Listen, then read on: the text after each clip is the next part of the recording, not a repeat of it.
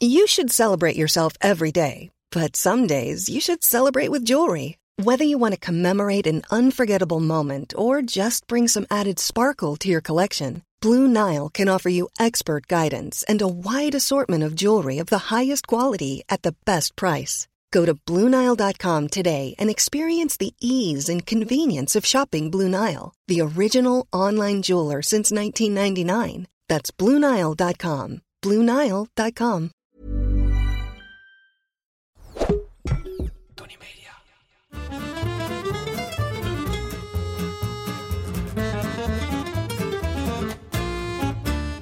Ik ben Julius Jaspers en ik ben meer dan dol op eten.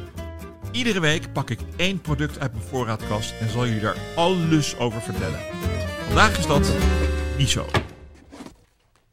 Ik start mijn podcast, dit is toevallig de vijftigste, altijd met een persoonlijke klik. Zo ook vandaag. En die heb ik wel met miso.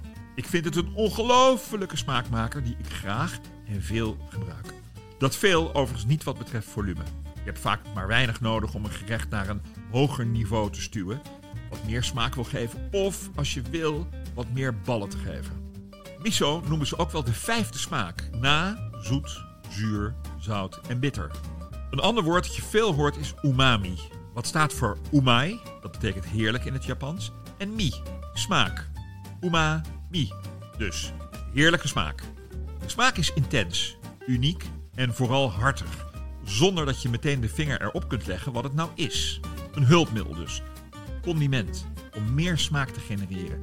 Je eten nog lekkerder te maken. De Japanners zijn kampioen in miso-soep eten. Uberlekkere soep van dashi. Dat is bouillon van zeewier en gedroogde gestreepte tonijn. Wat eigenlijk weer een makreelachtig is. En miso. Het liefst doen ze dat bij iedere maaltijd en dan bij aanvang. Zodat de gefermenteerde miso helpt bij het verwerken van de verdere maaltijd. De miso-soep die je in Nederland krijgt is niet te vergelijken met de real stuff in Japan.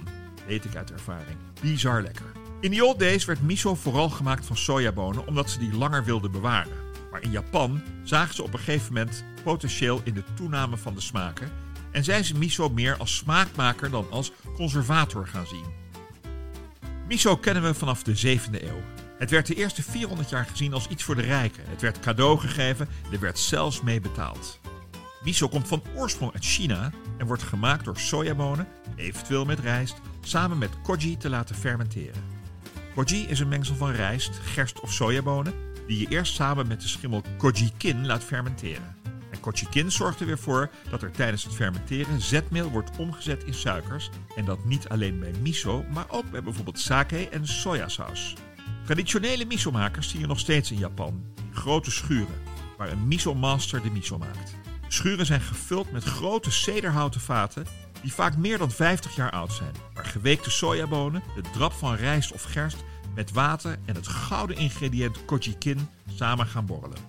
Voor de zwarte hachi miso werkt de kojikin schimmel minimaal drie jaar onder toeziend oog van de miso-master hard om alles tot een miso-pasta te fermenteren. De kwaliteit van het vat en de omgeving waar de boel staat te fermenteren draagt behoorlijk bij aan de smaak. Lichtere miso's hebben een veel kortere fermentatietijd en smaken dus minder intens. Rond 1200 waren het de boeddhistische monniken uit China die de miso richting de gewone man brachten. En aan de basis stonden van de miso-soep. Zeg maar de basis van iedere Japanse maaltijd. Anderhalve eeuw later gingen de sojaboeren hun eigen miso maken en werd het spul echt populair. Vooral rond 1450, toen de Sengoku samurai-strijders het in gedroogde en gegrilde vorm meenamen naar de strijdvelden als een hartig tussendoortje. Rond 1600 werd miso zo populair dat er in bepaalde gebieden een tekort ontstond en kwamen er speciale miso-transporten door het hele land om die gebieden te bevoorraden. Tegenwoordig komt miso niet meer alleen voor in de Japanse keuken, maar eigenlijk over de hele wereld. Ook deze week is er natuurlijk weer een hamvraag die niet over ham gaat. Vraag deze week is van InstaSven73.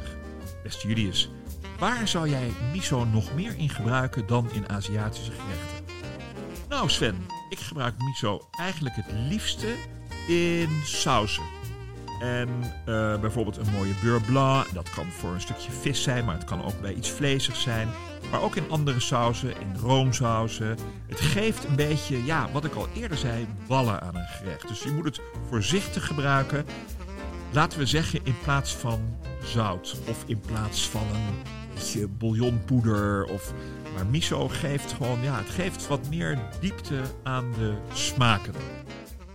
We gaan het even ingewikkeld maken. Let goed op. Alle miso wordt gemaakt van sojabonen, maar vaak met een toevoeging. Dat kan in de koji, de schimmel, zitten, maar ook in het verdere mengsel. De basis is dus soja, maar de verdere verhouding bepaalt of het over rijst of bijvoorbeeld gerstmiso hebben. We gaan beginnen. Er zijn eigenlijk drie soorten miso. Kome miso, gemaakt van rijst, de muji miso, gemaakt van gerst en de mame miso, van sojabonen. De rijstmiso is in Europa de meest gangbare en de smaken en de kleuren zijn afhankelijk van de gebruikte koji, de schimmel. De witte shiro wordt gemaakt van sojabonen en rijst. Gele miso, gemaakt van soja en graan, is iets sterker omdat het iets langer wordt gefermenteerd. De rode aka miso, met meer zout en ook gerst, heeft een langere fermentatie en is weer wat sterker. En de zwarte kuro miso, nog meer zout, is de sterkste. Ik zei het al eerder, hoe donkerder de miso, hoe sterker de smaak. Dus ik zou als beginneling lekker met de witte starten. Miso is super gezond en barst van de vitamines en andere voedingsstoffen. Denk aan ijzer, aan calcium, aan potassium, maar ook vitamine B, alle aminozuren en veel proteïne. De laatste zijn vooral fijn voor de vegetariërs onder ons. Ondertussen wordt miso al lang niet meer alleen van sojabonen gemaakt. Je hoorde gerst al even langskomen, maar er wordt ook boekweit, tarwe en quinoa gebruikt. Ja, je zegt quinoa en geen quinoa. Miso kun je tegenwoordig overal kopen, maar ik zou toch die uit de toko nemen in plaats van die van de appie. Ikzelf zweer bij Toko Dunjong of bij die fijne Amazing Oriental. Overigens is het een misvatting om te denken dat miso altijd hartig moet zijn. Er bestaat ook witte zoete miso en iets wat hartig is kan prima bij zoet. Denk bijvoorbeeld aan zout door de karamel. Shit, je wil miso gebruiken, maar je grijpt mis. Wat te doen? Een goede sojasaus biedt uitkomst, maar is wel wat zouter en vooral wat minder creamy. Zelf ben ik weg van de sojasaus uit Rotterdam, Thomas gerijpt in oude whiskyvaten. Je kunt ook tahini nemen. Anderen noemen het ook wel tahini. Sesampasta, maar dat is weer wat nootachtiger van smaak. Laat overigens de miso in een gerecht niet meer aan de kook komen. Dan gaan al die kostelijke enzymen en vooral de smaak verloren. Zo kun je na opening over het algemeen een maand of drie bewaren in de koeling. Koel en donker dus. Je kunt het ook prima invriezen, maar schrik niet, het wordt niet hard in de vriezer. Waarom? Ik heb geen idee. Tegenwoordig wordt miso ook veel aangeboden als smaakmaker waar al een en ander mee is gedaan. Zo heb je vinegar miso, waar al mosterd en azijn doorheen zit en wat je dus direct kunt gebruiken.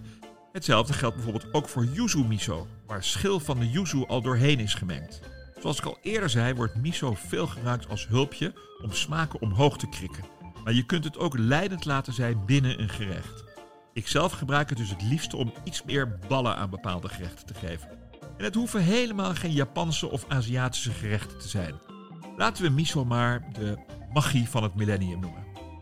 Klik op de link in de beschrijving van deze aflevering voor mijn verrukkelijke recept van asperges nambam, waar miso een grote rol in speelt.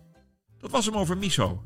Zeker niet alles, maar best wel wat. Wil je meer weten over miso en wat het voor je lichaam kan doen? Kijk dan naar de documentaire Miso Hungry van Greg Anderson. Wil je meer weten over iets anders in je voorraadkast? Stuur me dan een berichtje via Instagram. Of ik weet het al, of ik zoek het voor je uit. Maar ik geef altijd antwoord. De volgende keer heb ik het over pinda's. Dag!